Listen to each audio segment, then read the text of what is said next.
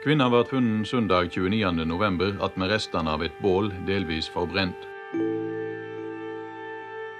Det er funnet rester av bensin der, og hun hadde tatt en del tabletter. Men hvem var hun, hvor kom hun fra, hvor skulle hun, og hva var det grunnen som hadde hendt? Da er vi i gang med del tre av Gåten i Isdalen, om Isdalskvinnen som ble funnet eh, omkommet og forbrent. Og jeg er på vei inn til noen kolleger som jobber med mysteriet, og i dag skal vi bl.a. snakke om hvordan politiet raskt prøvde å legge saken død i 1970. Var denne kvinna innblanda i spionasje? Nei, ingen holdepunkter. Og der borte ved veggen så ser jeg Ståle og Marit. I alle alle kartlegginger så er det en eller annen vegg med mange gule lapper. Hva er det vi, er det vi ser, ser, her, Ståle? Dette er en, rett og slett en tidslinje over hva, i hvilken rekkefølge ting har skjedd under etterforskningen. For her har vi jo hatt et par tusen sider med etterforskningsdokumenter som vi på en måte har oppsummert i en rekkefølge, så det blir lettere å se hvordan ting skjedde i saken. Hvilke hovedting var det politiet prøvde å kartlegge i 1970? Man prøvde jo å finne eh, den drosjesjåføren som kjørte henne fra hotellet til jernbanestasjonen. Det er jo sannsynligvis den siste personen som har sett henne i live. Eh, han klarte de aldri å finne, dessverre. Eh, sånn at, eh, at, der gikk de nok glipp av et veldig viktig et veldig viktig spor.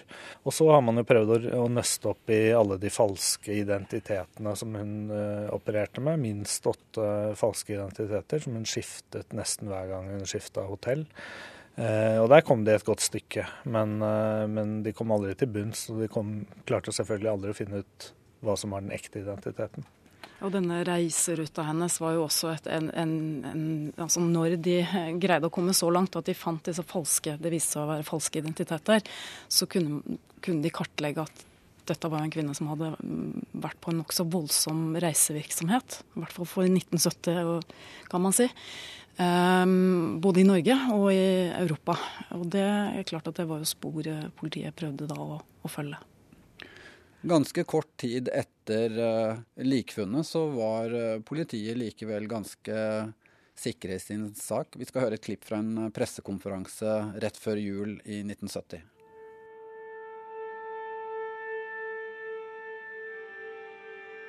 På en pressekonferanse i dag streker kriminalsjefen i Bergen og avdelingssjef Rolf Harry Jarman fra Kriminalpolitisentralen under at saka ennå ikke er oppklara, men på bakgrunn av alle teoriene som har vært framme, fant de det rett å legge fram det de vet, og dra visse slutninger pga. det. Kriminalsjefforsker Hornes, det har vært mange fantasifulle teorier i pressa i denne saka. Var denne kvinna innblandet i spionasje? Nei, det tror jeg trygt kan slå fast. At det er ingen holdepunkter. Ja, enda mer, det kan vi helt utelukke. Politiet sier at de er sikre på at hun ikke var eh, spion. Ble, ble de trodd? Altså, det, jo, det, er jo en grunn til at det har versert teorier i alle år siden den kvinna ble funnet. Um, og det er jo at det var flere ting med den forholdsvis raske konklusjonen fra politiet, både med at det var selvmord, og at, at hun definitivt ikke var spion, som, som var litt sånn rart. da. Hvordan kunne de konkludere så raskt med det? Det vi vet, er jo at de, til tross for at de var ganske bastante eh, når de avviste det, så fortsatte de å etterforske eh, om hun kunne være spion eller ikke. Både, altså Overvåkingspolitiet var jo inne i saken og gjorde sin etterforskning, som strakk seg langt inn i 1971. Eh, de avhørte bl.a. Eh, disse eh, Mossad-agentene som var i Norge og drepte Ahmed Bouchiki i 1973, sånn at politiet bak kulissene la aldri helt bort den spionteorien som de, var, som de avviste veldig bastant. Da. Er det drap? Nei. Eh, vel, saken er jo ikke ferdig. Men fra første stund så har man gått ut fra at det ikke forelå det. Fra første stund på åstedet. Vi må jo si om ikke de endelige resultater foreligger fra Rettstoksikologisk institutt, så er det etter det vi vet, intet som gjør oss grunn til å anta eh, noe annet. Eh, så vel de eh, kriminaltekniske, rettstoksikologiske og rettsmedisinske uttalelser synes ikke å rokke vår oppfatning i det. hva land har hun kommet fra? Vel, det er vanskelig å si. Det vi nå arbeider med, det er at hun muligens kan være kommet fra Frankrike, nærmere bestemt Paris. Politiet mente nok, tror jeg, at det ikke var en, eh, en, spion. Men jeg tror ikke de var så sikre som de ga uttrykk for i 1970. Men eh, det var vel et eh, noe de kanskje ønsket å, å, å få saken avsluttet. Da, og at, at, de ikke hadde noen konkrete holdepunkter, er det jo helt greit at de gikk ut og sa. Men akkurat det at de, måten de gjorde det på, og det at de var så bastant, tror jeg jo var med på å bare nøre opp under eh, ryktene og teoriene og spekulasjonene rundt Altså de oppnådde nettopp det motsatte. At det ble spekulert i at her var det mye hemmelighold og hysj-hysj, og man skulle liksom for enhver pris legge lokk på ting, da. En av de som har brukt mye energi og har en del teorier om saken, er, er sønnen til uh, tidligere hovedetterforskeren på saken, uh, Harald Osland. Og sønnen heter Tore. Uh, og han er da veldig glad for disse nye funnene. Vi skal høre litt hva han uh, sier. Sånn at jeg, er, jeg er selvfølgelig helt trygg på at han ikke mente at saken var oppklart med den konklusjonen som ble gjort. Det er ikke ingen tvil om.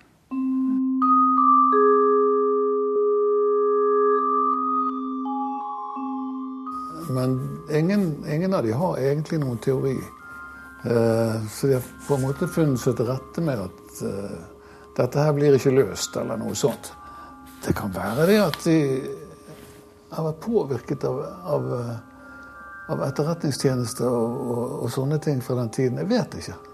Det er veldig rart, for uh, de har liksom sånn Sånn er det. Ja. At overvåkingstjenesten knebla dem i arbeidet, nærmest?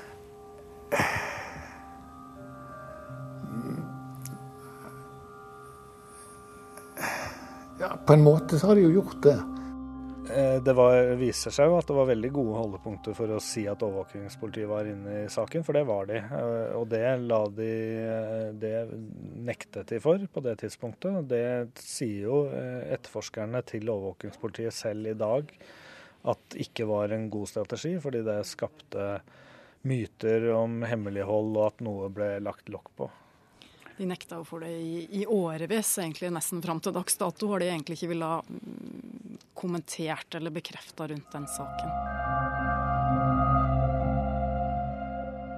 Ja, altså de, de, ble ganske begrenset. Altså, de fikk ikke reise og følge spor. Uh, følge opp spor i, uh, i Genéve og i Paris, i Roma. De fikk ikke følge opp uh, f.eks. den tyske ubåttjenesten som var i Bergen hver 14. dag, og som lå på samme hotellet som hun bodde på. Uh, uh, og begrunnelsen var stort sett at uh, det kostet for mye. Ja, Det vi i hvert fall ser ut av materialet, er at det er en del spor som peker til utlandet som ikke ble fulgt opp. Så hvordan det skjedde, og om de fikk beskjed om ikke å gjøre det osv., det kan jo ikke vi si. Men vi vet i hvert fall at det er noen spor som det kanskje hadde vært naturlig å følge, som man ikke fulgte opp. Og jeg syns det er rart at uh, ingen drosjesjåfør har meldt seg for å kjøre henne fra hotellet til jernbanen. Det syns jeg er veldig rart. I 1991 så var det en som sto fram anonymt og hevdet å være denne drosjesjåføren. Ble det festa lit til den gang? Eh, det ble i hvert fall festa nok lit til at saken ble gjenopptatt uh, i første omgang. Og så konkluderte vel politiet med at de hadde avhørt vedkommende tidligere, at de, ikke, de, mente at det ikke var kommet fram nye opplysninger. Så det, det førte ikke saken videre. Men, eh, men, den ble i hvert fall gjenopptatt en, en kort periode.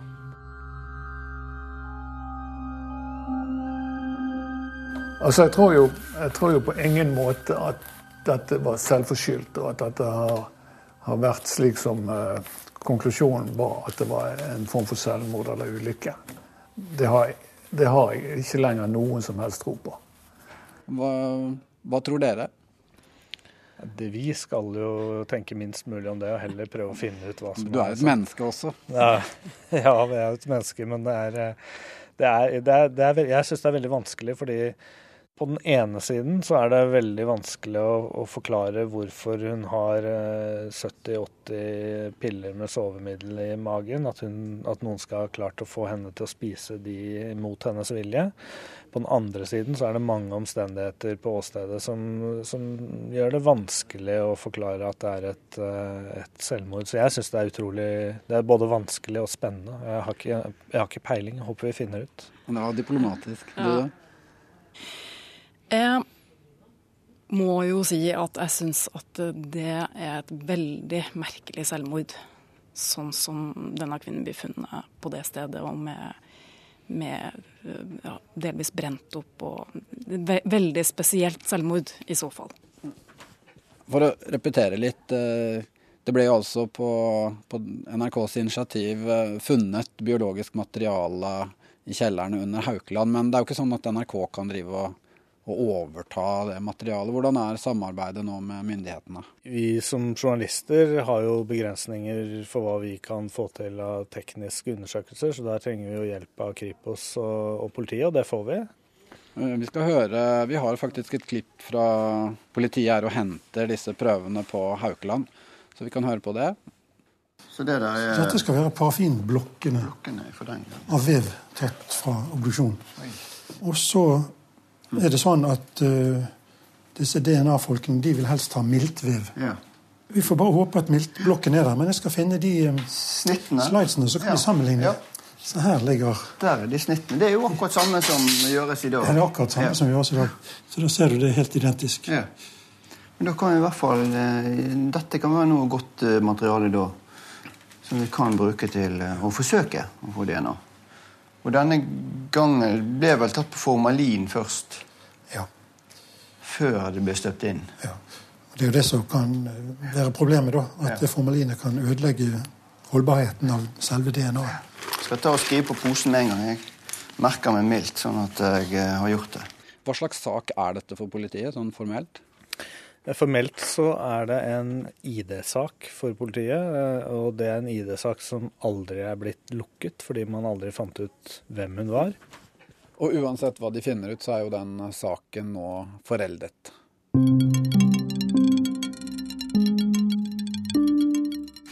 Nei, men Da tar vi med disse. Og så var det jo disse um, to uh, Det var jo snakk om kjevene.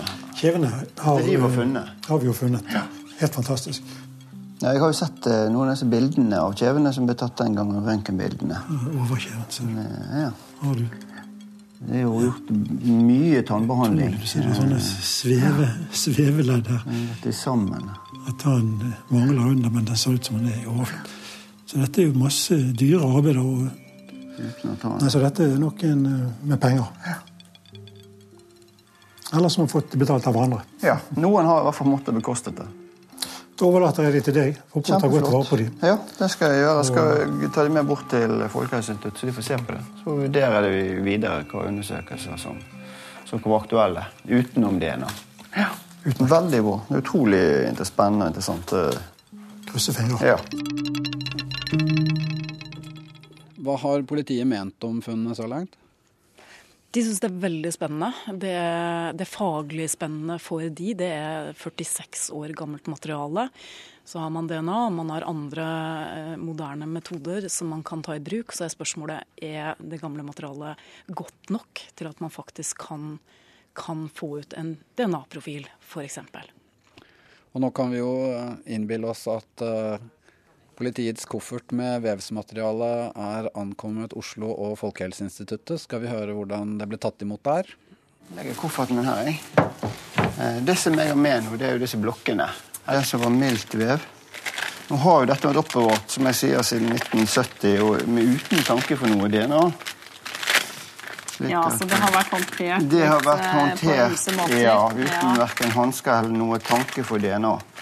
Nå er de i gang med å uh, analysere vevsblokken av kvinnens indre organer, nærmere bestemt milt og nyre, som de har valgt seg ut. Og analysere for, om mulig, å prøve å få en DNA-profil ut av materialet. Mm. Forventningen er vel uh, kanskje 50-50 ja, på at vi får ut uh, noe bra profiler her? Ja. klart en DNA-profil vil være et kjempegjennombrudd. Bare tenk på hva vi kan da prøve å gjøre videre for å, å finne identiteten hennes.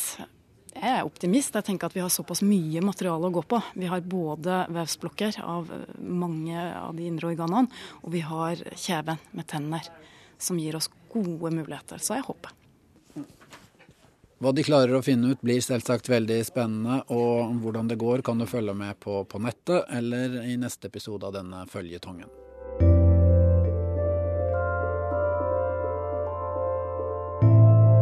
Dere møtte NRK-journalistene Marit Higraff og Ståle Hansen. Følg Gåten i Isdalen på nrk.no. Og jeg heter Kjetil Saugestad.